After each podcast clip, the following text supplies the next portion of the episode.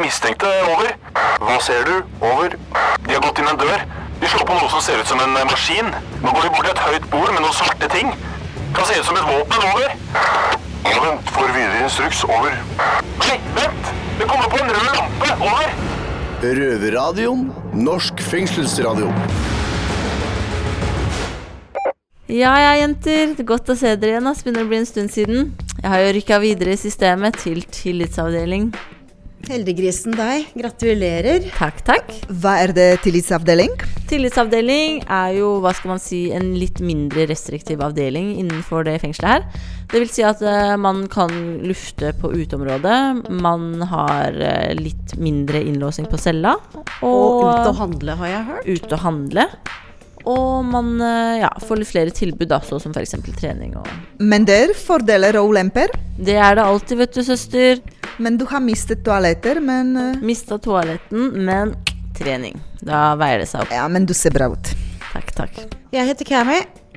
Står her med Amela! Og Helga. Hva er det som skjer på Røverradioen i dag, jenter? Tja, vi skal hoppe noen steinkast bort til Oslo fengsel. Ja, Er det ikke der gutta napper øyebrynene sine, eller? Jo, der er de opptatt av forfengelighet og å ta seg bra ut. Og det skal de snakke om i dag. Jeg lurer på om de er like opptatt av det som det vi kvinner er.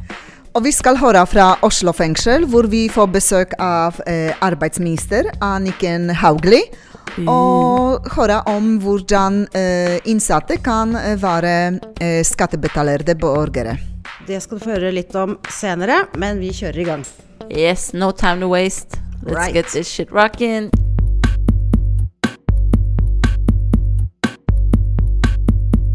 Amela, hvor mange timer bruker du foran speilet i cella di? Tja, jeg tror jeg bruker kortere tid enn gutta i Oslo fengsel, faktisk. For de er eh, ganske så forfengelige, de gutta der nede. Mhm. Det skal vi få høre av eh, Chico. Og den mest forfengelige av dem alle, Louis. Louis. Røverradioen. Forfengelighet i fengsel er jo en stor ting, da. Og i dag skal vi ta for oss dette den situasjonen vi har med forfengelighet, da. Voksne menn. Men det syns jeg var egentlig litt på tide, fordi det er mange som ser ut som eh, slasker der inne. Ja. Er du enig med det, Chico? Jeg kan si meg enig i det, men eh, Det er så, er, som- så er spørsmålet Folk sitter i fengsel, og hvorfor skal de gidde å pynte seg opp og sånn? Vet du hva, jeg fikk, eh, fikk det samme spørsmålet egentlig eh, fra broren min. Han skulle sende meg noen klær. Uh, han spurte hvorfor skal du ha de og de kule klærne, de dyre klærne, fordi du sitter jo bare i fengsel. Ja, du har jo ikke Er det noen du skal pynte deg for? Hva Ja, men det er ikke Jeg bruker klær for å se bra ut, ikke for å pynte meg for andre, men for meg selv. Føler deg fresh? Jeg føler meg fresh, i hvert fall når jeg sitter i fengsel, der du blir så Eller du mister så mye frihet. Du mister eh, eh, nesten så du mister personligheten din. Absolutt. Og for meg så er det viktig da å, å, å, være litt fjong og se bra ut. Ja. I klesveien, og ikke minst i, i, på andre måter også lukte godt. ja. Ta seg bra ut. Det er vanlig hygiene. Ja. Ja. Mm. Og så, i hvert fall for min del, så føler jeg at eh, du får en helt annen respekt for både de rundt deg, Mhm. innsatte, og ansatte, hvis du ser ok ut. Hvis du ser bra ut. Selvfølgelig, og, og sånn er det alle steder ute også. Ja. Ute og har du på Mhm. deg skjorte, du blir tatt mer seriøst. Sånn er det. Kommer du i tracksuit ute, her i fengsel, alle bruker tracksuits. Alle folk går med Armani tracksuits. Michael folk Kors, Michael Nike. Kors, Nike den kjente, Puma, alt dette her. Men ute igjen, så går ikke jeg med tracksuit ut til byen. Ikke jeg heller. Aldri Jeg går til livet. butikken, søndagsturen, da jeg kan ha på meg tracksuit, men ikke ned til sentrum, hvor jeg kan bli sett av folk som jeg jobber med, og alt dette her. Aldri i livet. ikke. Men, men uh, jeg er enig med deg der, så uh, Så det blir sludd litt på hodet da i fengselet. Egentlig. Uh, egentlig. Og jeg ser jo da mange som er veldig nøye med håret sitt og skjegget sitt, og, og ikke minst uh, napper øyenbryn. Ja, vi var jo og nappa oss og klippa hår i stad, vi, Louis. Ja, selvfølgelig. Og Og det er jo kø på den jævla frisøren. det er jo ikke så rart. Han er jo For det første så er han jo jævla flink. eh, for det andre så mm, Jeg vet ikke. Det er jo Gutta liker å se bra ut. Så han som er eh, Han som fiksa håret vårt i stad, han er jo en innsatt også, da, som jobber i, eh, i eh, fengselsfrisøren. Ja, han jobber Han går jo da på en måte skole, men Ja. han er jo ferdig utlært for lenge Ja, han siden. har jobba i ti år som frisør. så- Betjent å gå også til han. Ja, og det, da ble jeg faktisk litt overrasket. Ja, Når jeg fikk vite at eh, et par betjenter går og klipper seg og sånn hver uke. Men eh, Louis, Mhm. alle har jo ikke råd til å kle seg fresh, rett og slett, og gå med tracksuits og matchende sko. Eller ha merkeklær i det hele tatt. Ja, fordi vi legger jo merke til det. Når en ny kommer for perm, så har han alltid med seg noe nytt. Selvfølgelig. Men uh, hadde det ikke vært lettere hvis alle bare gikk kledd helt likt i den røde dressen som du får Ja, jeg med skjønner hva du mener, men da vil jeg d- På det så vil jeg si at uh, Da blir vi alle dratt under én kam. Du mister personligheten din. Du er ikke deg selv. Uts eller klærne på en person, det, det, det utgjør egentlig eh, Hva skal jeg si da, person, mye av personligheten din. da. Men uh, faen, er du så dømmende? Eh, ja, jeg er det. Jeg er det faktisk. Nei? Det Så, så her inne så er det machokultur. Jo bedre, eh, bedre klær du har, jo dyrere merkeklær du har, jo, jo høyere status får du. Jo mer vellykka var du ute før du Helt havna inne. riktig. Det viser at du har gjort noe bra ute, da, hvis du kan si Ja. det på den måten. Du gjorde noe riktig før du ble tatt. Du tjente penger. Det er ikke en slask. Nei. Så ja. Du sier det er, mach, det er macho-kultur og sånt, mm. men er det så macho å nappe øyebrynene, gå og klippe seg annenhver uke, godlukt, roselukt på genseren din og Det vil jo si at eh, når du Nå setter du litt på spissen, men, eh, men jeg skjønner hvor du vil hen. Det som er, er at hvis du har den muligheten av å gå til frisøren en gang i uka her inne, du har den muligheten til å te deg bra ut, så sier det litt om deg som person også, at du får goder da, som kanskje ikke alle andre innsatte får. Du vet jo det selv også. Du har jo fått klippet deg i dag uten at du hadde time. Og kontakter, som sagt. Meg- Kontakter inne, kontakter Ja, ute. men for meg så, så, så er det en slags status, da. At du liksom får, uh, får goder som andre ikke får, da. Hele tiden. Når du har blitt dømt til frihetsberøvelse, altså å sitte i fengsel, sånn som Mhm. vi gjør, så har du mista det meste, men utseendet er noe fremdeles du kan styre sjøl. Du kan velge å se helt wack ut, eller du kan velge å se fresh ut. Helt riktig. Er det ja, Føler du den, liksom? Ja, er du gæren. Eh, Du må huske at vi har mye fritid og sitter mye på cella vår. Eh, og da tenker jeg, hvorfor ikke nappe øyenbryn istedenfor å sitte og se på TV og Ja, jeg sitter og Bli døll, da. og sånt. der, Ja, men skjønner du, ikke sant? Det er sånne ting, da. Det Som er eh, viktig, da. Mm, og så kanskje du er heldig og får litt mer oppmerksomhet fra kikane som jobber her, da. Ja, og så har vi jo folk som skal på perm, som for eksempel jeg. Jeg syns det var helt perfekt å bli klippa i dag, så jeg skal på perm denne uka. Ja, Hvilken dag skal du på vær? Eh, fredag. Å, deilig, da. Ja, kanskje får noe lenger enn en, enn en eh, Hva heter det? Et døgn? Nei, kanskje jeg får lenger enn sånn der til å gå og fikse ting. Kanskje jeg får sosialt perm i tillegg Ja, den men da forventer jeg faktisk å se du kommer tilbake med nye klær. Ja, Det skal jeg gjøre. Jeg gleder meg. Kommer alltid tilbake med nye klær. Det er bra, det er bra. Så konklusjonen vår er da at å være så forfengelig i fengsel, grunnen til det er rett og slett at vi kan. Og, og kan, og, og har tid, ikke minst. Ikke sant? Mm. Og vi blir jo ellers bossa rundt, så det eneste vi kan eh, bestemme oss selv, er utseendet vårt. Yes, yes. Brøtt! Du hører på lyden av ekte straffedømte. Røverradio. Hver lørdag på NRK P2 halv fire. Og når du vil som podkast. Amelia, har du en jobb når du kommer ut av fengselet? Nei, jeg har ikke det, altså. I likhet med de fleste andre her inne. Mm, og det er nettopp derfor Oslo fengsel har fått besøk av arbeidsministeren akkurat nå. Så la oss sjekke det ut. Røverradioen. Under halvparten av innsatte i fengsel har jobb eller utdanningstilbud å gå til når de løslates. Den andre halvdelen ender ofte tilbake i sitt gamle liv og inn i den illegale økonomien, som papirløse arbeidere eller som en god gammeldags kriminell. Mangel på utdannelse og et rulleblad fører ofte til arbeidskriminalitet og sosial dumping, og det vil dama foran meg her, her ha slutt på, håper jeg. Velkommen til Røverradioen, arbeidsminister Anniken Hauglie. Takk for det. Yo, jeg heter Sydney. På min høyre hånd har jeg en som aldri har hatt en ekte jobb. Malo. Yo. Før vi starter, Anniken, vi leste litt i avisa, og der har du en klar beskjed til kriminelle. Det skal kjeppjages. Og nå er du her med masse kriminelle, så vi tenkte du skulle få denne kjeppen her. av. Tusen takk. Fra spøk til alvor. Hva er egentlig arbeidslivskriminalitet? Høres ikke særlig gangster ut. Eh, arbeidslivskriminalitet, det er alt det som skjer i norsk arbeidsliv som eh, handler om å utnytte ansatte, altså ikke gi ansatte den lønna de skal ha, eller kreve at de ansatte tilbakebetaler lønna si til arbeidsgivere.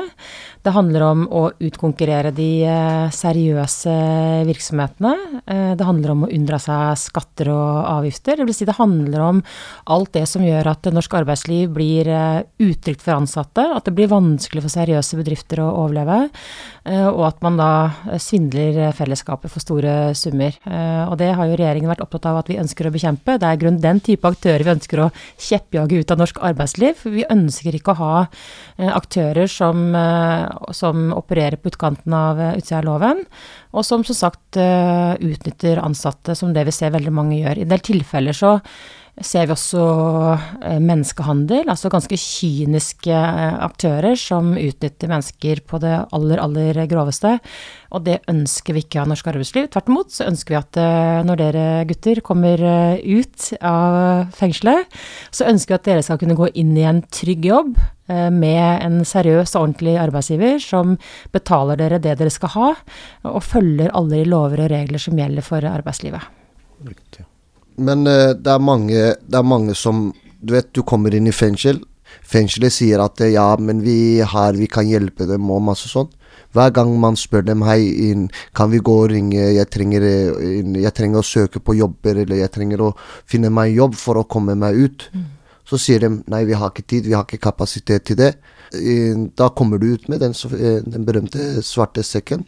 Mm. Ut der, da har du ingenting. Du, du starter fra der du slapp bare. Og det skjer med mange. Det har skjedd med meg flere ganger, inn og ut. Det skjer med alle, nesten. Eller ikke alle, men fleste. Hva kan dere gjøre for å forandre på det? Um, jeg tror dessverre du har helt rett i det du sier. Det er mange som uh, uh, har det sånn, og dessverre er det altfor mange som har det sånn. Um, for et par år siden, i 2017, så uh, utarbeida regjeringen en felles strategi mellom flere departementer for å samordne innsatsen retta mot de som skulle tilbakeføres til samfunnet igjen. Eh, vi har mange departementer som har Vi har jo ansvar for ulike deler. ikke sant? Jeg har ansvar for Nav. Kommunaldepartementet har ansvar for kommuner og bolig. ikke sant? Justis har jo for ettervern osv. så og, og helse har jo også sin, del av, eh, har også sin andel, da, kan du si. Så vi gikk jo sammen om å lage en, en strategi for tilbakeføring som, han, som handlet om at man skulle samarbeide tettere nå har jo også de som sitter inne rett på tjenester fra Nav. Flere av fengslene har jo også en egen Nav-koordinator eller eh, person som, som, møter opp, ikke sant. Ja. Og så tror jeg fortsatt vi har en lang vei å gå, eh, dessverre. Men, men, den strategien vi la fram, hadde i hvert fall til hensikt og mål at man skulle klare å samarbeide tettere og på et mye tidligere tidspunkt. Ja. Men han mener at arbeidskriminalitet henger mye sammen med det som skjer etter løslatelse. Da havner man ofte i en situasjon hvor man trenger penger fort, og da frister det å ta opp svart arbeid. Hva tenker du om det? Ja, og det, og det, er det som er så alvorlig. Jeg har vært med på flere tilsyn sammen med politiet og Arbeidstilsynet bl.a. Eh, og i en del bransjer så ser vi ganske omfattende um, utnyttelse av mennesker i en vanskelig situasjon. Eh, jeg har vært med på flere tilsyn innenfor såkalt bilpleie, altså verksted og vaskeri og den type ting. Hvor man ser at eh, personer som jobber der, de er kanskje ikke registrert som ansatte. Eh, noen, eller ganske mange, går kanskje på ytelser på Nav ved siden av, de jobber svart. Og det er klart at arbeidsgivere som såkalt ansetter personer som ikke er registrert, eller som mottar ytelser fra Nav, ja, de betaler jo også de ansatte veldig, veldig dårlig. Og så vet vi jo, som dere også sier, at mange av de som kommer ut av fengsel, er antageligvis også i en veldig sårbar situasjon. Mange mangler kanskje utdanning, man mangler kanskje arbeidserfaring. Det er vanskelig å få seg en, en ordentlig jobb. Og så er det lett at man da blir utnyttet nettopp av denne type kyniske aktører, og det ønsker vi jo ikke. Hvordan kan, vi, hvordan kan dere sikre at vi innsatte kommer raskt i jobb og bidrar til samfunnet på en ordentlig måte? Um, jeg tror det er flere ting som må gjøre Altså jeg tror som Alle ønsker jo at dette skal gå på en bedre måte, men så ser vi at det er mange som kommer ut av fengsel. De kommer med den berømte plastposen sin uten å ha noe å gå til. Um, og det å samarbeide bedre mellom stat og kommune Først og fremst så må jo man ha et ordentlig sted å bo. Det er kanskje det viktigste forutsetningen. Og så er det jo viktig at eh, innsatte får muligheten til utdanning, få kompetanse som er etterspurt der ute i arbeidslivet. Og at man kanskje også får muligheten til å prøve seg jobb gjennom ulike former for eh, arbeidstrening. Jeg vil tro at eh, de, og det, kjenner, det kan kanskje dere fortelle mer om til meg, da. ikke sant? Men jeg vil jo tro at mange av de som sitter inne har litt ulike behov. Noen har kanskje bolig, mange har det ikke. Noen har kanskje utdanning, mange har det ikke. Men uh, utdanning vil nok kanskje, eller opplæring vil kanskje være noe av det viktigste for veldig mange av de som sitter inne. Men det tar jeg gjerne tilbakemelding på fra dere som kjenner gutta som sitter her inne. Det er uh, trygg bolig, som du sier. Trygg bolig. hjelper oss uh, med arbeid. Og så er resten egentlig opp til oss sjøl. Ja. Har man uh, f.eks. Jeg har sett mange som har gått inn og ut av fengsel. Ikke jobb, ingen leilighet. Fem, seks, syv år. Og blir eh, bedt om å bo på hospits hver gang de kommer. Nei, vi har ikke, tot, vi har ikke nok kommunale. Det tar to år, det tar fire år. Ikke sant? Og da starter jo man alltid fra der man slapp. Så skal ut i hospits igjen. Men hvis man får en bolig, arbeidstrening, et eller annet, så er det jo opp til en sjøl. Men kan jeg spørre, har dere bolig å komme ut til? Jeg har, en, jeg har nettopp fått en bolig, men jeg har slitt med kommunal bolig i mange år. Men for å være ærlig, så har ikke jeg også gjort den jobben jeg skal gjøre. Det, så jeg kan ikke skylde på Nav. Men eh, jeg bor i bydel Søndre Nordstrand, og der er det litt for lite kommunale boliger. Boliger i forhold til bydel Sagene, som har 3000 et eller annet kommunale. Mens i Søndre Nordstrand hørte jeg var 92 eller noe sånt. Kommunale boliger. Og der eh, prioriterer de familier og folk som har kommet til landet og asylsøkere og sånn. Men uh, heldigvis så har jeg fått meg en uh, bolig nå. Toromsleilighet. Som er Ja. Så nå starter et nytt og bedre liv? Ja, Ja, det er veldig bra. det må jeg. Det er bra. De som kom fra kriminalbolig, kom på besøk, og de sa til meg fordi du er ung, det er bedre at du tar privatbolig. Fordi når du går ut og du finner deg en kriminalbolig, så er du rundt som narkomaner eller en, folk som er ikke helt Har ikke livet helt i orden. Så da er det bedre å bare ta privatbolig, så du, er, du får mer mulighet til å liksom Hvordan skal jeg si det? Vet, jeg skjønner hva du mener. for mange, mange, av boligene er jo, mange av boligene er jo veldig konsentrert. ikke sant? Altså Man har kanskje eh, flere altså store eh, gårder da, ikke sant? med bare kommunale boliger. og klart at Da blir det jo personer med ulike utfordringer som bor sammen. da. Akkurat. Eh, selv om det kanskje enda, har begynt å endre seg litt en del steder også. Så, og det har vært litt sånn historisk betinget, ikke sant. Og så har de som bor i kommunale boliger har endret seg litt. Altså Før i gamle dager så var det kanskje vi gamle damer som, uh, som var minstepensjonister som fikk kommunale boliger, men så er det ikke så mange av de lenger. Uh, og da er det jo andre grupper da, som har fått boliger. Altså personer som du sier med ruserfaring eller annet. Så, um, så det er en generell oppfordring til kommunene, da. Er jo å passe på at de har en, en spredt eh, bosetting. At ikke man konsentrerer altfor mange med de samme utfordringene på samme sted. fordi det kan føre til ganske store sosiale utfordringer og dårlige bomiljøer, da. Og det er viktig at man ikke skal ha. Riktig. Hvordan kan man få arbeidsgiver til å tørre å satse på tidligere straffedømt? Um, du, vi eller I fjor så lanserte regjeringen noe som heter inkluderingsdugnaden. Uh, og det var fordi vi så at uh, veldig mange personer i arbeidsfør alder uh, står utenfor arbeidslivet, og som ønsker å komme på innsiden. Um, og det vi da har gjort i forbindelse med den dugnaden, er at vi har også reist rundt og snakket med arbeidsgivere og spurt dem hva skal til for at de ønsker å ansette en til. Hva, det, liksom, hva kan staten bidra med, eller hva kan vi bidra med for at flere ønsker å åpne dørene sine for, for personer som av ulike grunner står på utsiden. Um, og som en, et resultat av det arbeidet, så har vi nå bl.a. Uh, gjort ganske store endringer i lønnstilskuddsordningen, altså hvor staten er med på å betale, er på å spleise på lønningene. Vi har uh, innført mentorordninger for arbeidsgivere som trenger litt råd og veiledning, og flere sånne ulike tiltak som retter seg mot arbeidsgiverne. Da. I tillegg så gjør vi ganske mye på opplæring og utdanningssiden også. men jeg opplever også at mange arbeidsgivere etter hvert nå ønsker å være med. De ønsker å inkludere, og mange arbeidsgivere kjenner jo folk som har slitt litt livet også. Petter Stordalen er en av dem.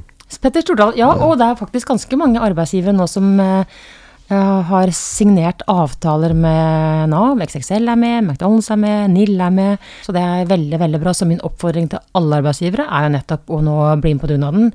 Eh, eh, ta kontakt med Nav. Eh, vi trenger alle gode, dedikerte arbeidsgivere som har en arbeidsplass å avse. Jeg syns for, for min del Nav gjør en veldig bra arbeid, men man kan alltid en, eh, Når det gjelder f.eks. kriminelle, da, lage kanskje noe Ikke sant. Alle Nav har forskjellige grupper, kurser. Kanskje lage noe felles for eh, Noe kurser felles for alle de inn, inn, som kommer ut av fengsel, som ikke har klart å fikse seg jobb eller bolig. Godt Hjelpe innspill. dem litt ekstra. Så tror jeg nok også at uh, veldig mye av den altså Man har jo muligheten til å ta opplæring gjennom øh, Nav, men det vi har sett gjennom de opplæringstiltakene som vi har, da, så har det ikke vært så lett å ta litt lengre utdanning. Altså du kan kanskje ta truckførerbevis og liksom kortere kurs og sånn, men hvis man trenger litt, litt mer enn det, øh, så har det ofte vært veldig vanskelig. Men det, der har vi foreslått ganske store endringer nå, som er ute på høring. Riktig. Helt til slutt, er det noe du har lyst til å spørre oss om? Hvordan er de opplæringsmulighetene dere får her? Folk jobber på snekk som snekker. Ja. Noen går på skole, noen jobber på kjøkkenet. Noen går på en, eh, en kjøkk... Hva heter det? Vaskeri, Mat. renhold. Mm. Det er eh, de tingene du gjør Du må gjøre daglig, da. Det er ikke noe ja, jeg vet ikke. Men du har vært inne flere ganger før, ikke sant? Har du også vært inne flere ganger? Ikke her i Norge. Ikke her i Norge, men du har vært inne i andre land. Eh, England, ja. Hvor lenge siden er det, da? Eh, for to år siden. To og et halvt år siden. Kan jeg spørre hva du sitter inne for? Her nå. Ja. Eh, grov kroppsskade og grov kropp, eh, kroppskrenkelse. Ja. Ja. Men det syns jeg jo ikke Altså, det er ikke noe Hva har du tenkt å Altså, er du ferdig med det, eller? Jeg fikk eh, 18 måneder. Mm. Har jeg sona syv måneder nå. Mm. Men hva, skal, du- hva gjør du du kom, hvis du kommer ut i mai, da? Hva du? Hva er planen da? Skal finne meg en bolig, begynne på skole eller praksis. Um. Men søker du skole herfra? ja. De hjelper meg med å finne skoleplass. Eller som apprenticeship. Mm. Så jeg går ikke tilbake til eh, kriminalitet og sånne ting. Og det er du helt sikker på? At nå er du Ja. ferdig med det? Ja, Ja, det håper jeg. det er jeg. På vegne av oss som skal møte på deg ute, så håper jeg at du er ferdig med det, for å si det sånn. mm. Men, har, du, men har, dere fått, har dere fått eh, bra oppfølging og liksom, hjelp i fengselet til å ta en ny kurs da, når dere kommer ut? For det er på en måte noe av poenget, da, ikke sant? Det som er, er at eh, jeg og han sitter på en avdeling der eh, det er tillitsavdeling, åttende avdeling. Vi har kjøkken, vi har ting og der har vi også en, en, en sosionom, heter det, som hjelper oss ekstra Eller hjelper oss med egentlig alt det vi trenger. mm, Forberede oss til å komme ut, leilighet, en eh, jobb, sånne ting. Mens eh, hvis man ser på de som er i alle de andre etasjene, det er eh, ren eh, Det er bare dere er Jeg føler at de er eh, Fengselet sier dere er her som Det her er straffen deres, bare sitt der til dere går ut. Og det er ikke stor hjelp de får. Folk sitter til den dagen de skal ut, får en svart sekk, pakk sakene dine, gå rett ut. Så det er en kompis av meg som skal ut i morgen, f.eks. Han har sittet i tre år og åtte måneder. Har ikke fått uh, sjansen til å gå på overgangsbolig. Nå har han klart å få seg en leilighet, ingen jobb. Og du vet, det blir vanskelig etter tre år og åtte måneder. Og, og hvis han bare går ut sånn, da. Så det er ikke bare han, da, men det er mange. Og jeg syns at fengselet burde få mer opplæring i, i hvordan folk Vi er jo her for å De fleste er for å rehabiliteres, komme tilbake til samfunnet. Så hvis jeg, hvis jeg møter på ti andre som er ti ganger verre enn meg, og jeg ikke har fått noen en opplæring eller eh, eh, rehabilitering, kommer jeg jo ti ganger verre enn det jeg var når jeg kom inn. Ja, da er det ganske bortkasta. Hvis man er verre når man kommer ut enn man kommer inn, for det er jo ikke meningen. Ikke? Imot. Så jeg føler at eh, fengslene, eh, i hvert fall Oslo fengsel, har jeg sett mye Oslo fengsel er eh, ja, litt annerledes enn andre fengsler. Og jeg syns de burde få veiledning i hvordan man skal håndtere en, og få folk tilbake til eh, rett vei, da, eller gi dem eh, bedre, bedre Ja, kanskje det ikke er din område, da, men Eh, nei, ikke helt, men på den annen side, jeg syns det er veldig interessant å høre hva dere sier, da. For vi er liksom opptatt av at denne strategien ikke bare skal være en fin plan. Det skal også faktisk være noe som skal kunne hjelpe folk videre i livet. Så jeg håper jo, jeg håper jo virkelig at neste gang jeg treffer dere, så treffer jeg dere ute. Yes. Og at det da er eh, enten under utdanning eller at dere er i full jobb. Det vil være det aller, aller beste. Så jeg ønsker i hvert lykke til. takk skal du ha. Tusen takk. Tusen takk for at du kom til oss her i Røverradioen, arbeidsminister Anniken Hauglie. Tusen takk for at jeg fikk lov til å være her. Bare hyggelig.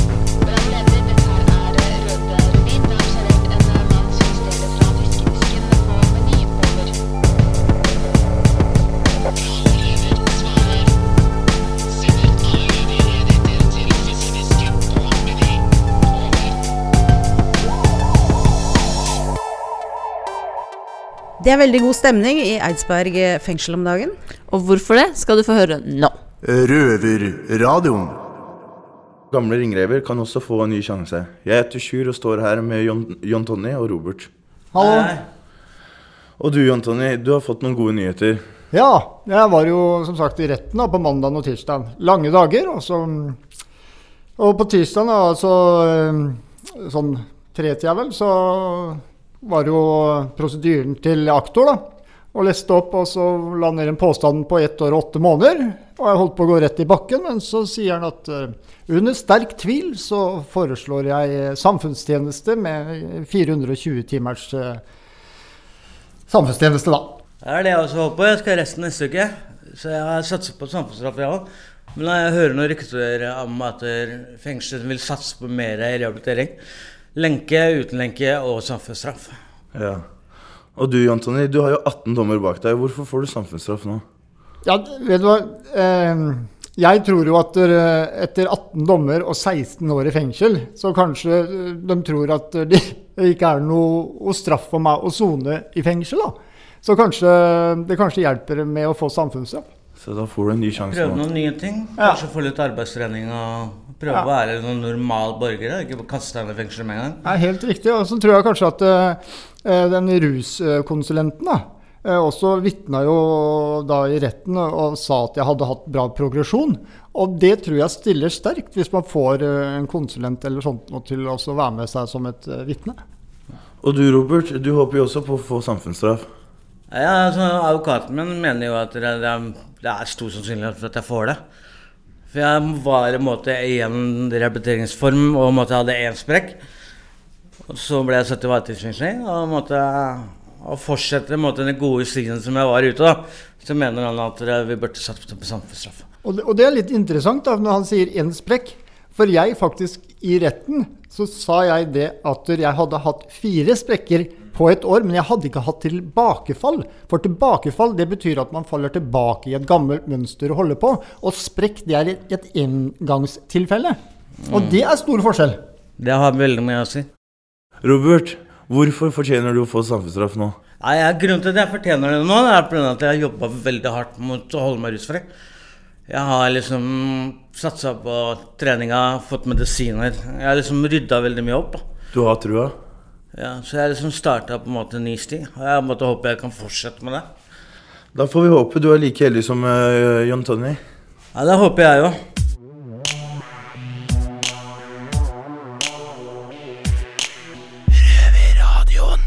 Veldig trist at sendinga er ferdig. Det er det. Men eh, var det noe spesielt dere likte av det dere hørte i dag? Fra Ja, det var jo lættis å høre på gutta snakke om forfengelighet i Oslo fengsel, og hvordan de napper bryn og kule tracksuits og sånne ting. Men eh, jeg ser jo den, da. Viktig for meg også med fete tracksuits.